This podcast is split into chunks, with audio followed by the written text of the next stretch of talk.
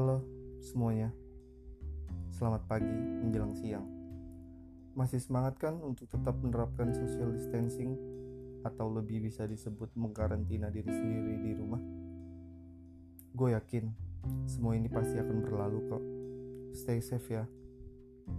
Dan untuk orang-orang yang sampai saat ini masih harus bekerja di luar rumah, semoga kalian sehat selalu dan bisa jaga diri sebaik mungkin. Oke, tema podcast gue kali ini adalah kurang teliti dalam menafsirkan rasa. Mungkin cerita gue kali ini sudah banyak yang ngalamin juga. Untuk kalian yang udah pernah ngalamin ini, berarti kalian sudah semakin bijak untuk mengambil keputusan tentang rasa. Baiklah, semua berawal dari rasa yang tumbuh begitu aja karena saat itu diri gue merasa berharga banget di mata dia. Awalnya gue ragu tentang statement dia yang bilang kalau dia mau sama gue. Di satu sisi gue kaget dan gak nyangka. Dan sisi lain gue ngerasa diri gue berharga banget karena baru pertama kali ada perempuan yang berani lebih dulu bilang begitu ke gue otomatis rasa itu muncul tiba-tiba. Tapi gue gak langsung percaya. Dan berulang kali gue nanya dan mastiin ke dia apakah dia bercanda sama omongan yang dia bilang mau sama gue. Ternyata enggak. Dia berulang-ulang kali juga bilang kalau dia serius sama ucapannya yang ngasih tahu kalau dia mau sama gue. Oke, dari situ gue mantapkan niat buat deket sama dia. Minggu pertama berhasil, walaupun masih malu-malu satu sama lain. Minggu kedua, mulai enjoy dengan satu sama lain. Nah, minggu ketiga, gue mulai merasakan ada sesuatu hal yang dirahasiain sama dia dari gue gue coba cari tahu dan ngeyakinin ke dia buat cerita ke gue tapi dia tetap belum mau terbuka. Dan akhirnya gue ngalah dan gak terlalu kepoin hal itu. Karena gue mikir salah satu di antara kita pasti punya privasi yang benar-benar orang terdekat sekalipun gak boleh tahu. Dan selain itu gue sama dia tetap kayak biasanya kok.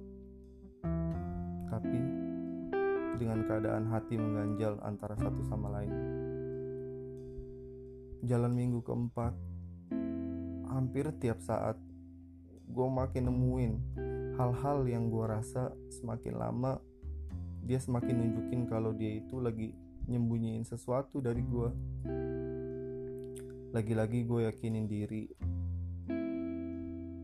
dan yakinin dia supaya mau cerita sama gue tapi dia takut gue benci sama dia. Aduh dari situ imajinasi gue udah mikir jauh aja. Udah mikir yang enggak enggak. Tapi tetap aja gue berusaha yakinin dia. Kalau dia mau dan bisa terbuka. Dan juga jujur tentang keresahan yang dia pendam. Pasti semuanya akan baik-baik aja kalau dia mau terbuka. Ternyata tetap dia takut ngomong langsung ke gue karena dia mikir kalau dia ngomong yang sebenarnya gue bisa benci sama dia. Ya udah deh. Dari situ gue coba cooling down sugestiin diri gue kalau ini semua bakal baik-baik aja dan bilang ke dia kalau dia udah tenang dia harus cerita semuanya sama gue dan ternyata nggak lama kemudian dia lebih dulu cerita ke temen gue tentang semua keresahan dia yang dia pendam dari gue karena takut buat ngomongnya. By the way temen gue itu temennya dia juga kita bertiga saling kenal dekat. Jadi secara nggak langsung temen gue ini jadi penengah sekaligus pendengar untuk gue sama dia. Gue semakin penasaran dong sebenarnya apa sih yang terjadi? Berita buruk atau berita bahagia nih? Hampir setiap saat gue mikirin itu terus. Dan sampai pada akhirnya sehari setelah temen gue denger semua cerita dia temen gue ngajak gue ngobrol. Detik itu juga jantung detik itu juga jantung gue berdebar. Dan gue tahu apa yang akan temen gue omongin ke gue itu pasti tentang dia. Ternyata betul yang kita bahas tentang semua keresahan yang dia ceritain ke temen gue dan ternyata kabar buruk yang gue dapet. Jadi tuh intinya dari awal dia bercanda tentang omongan dia yang bilang mau sama gue dia ngakuin kalau dia salah di situ.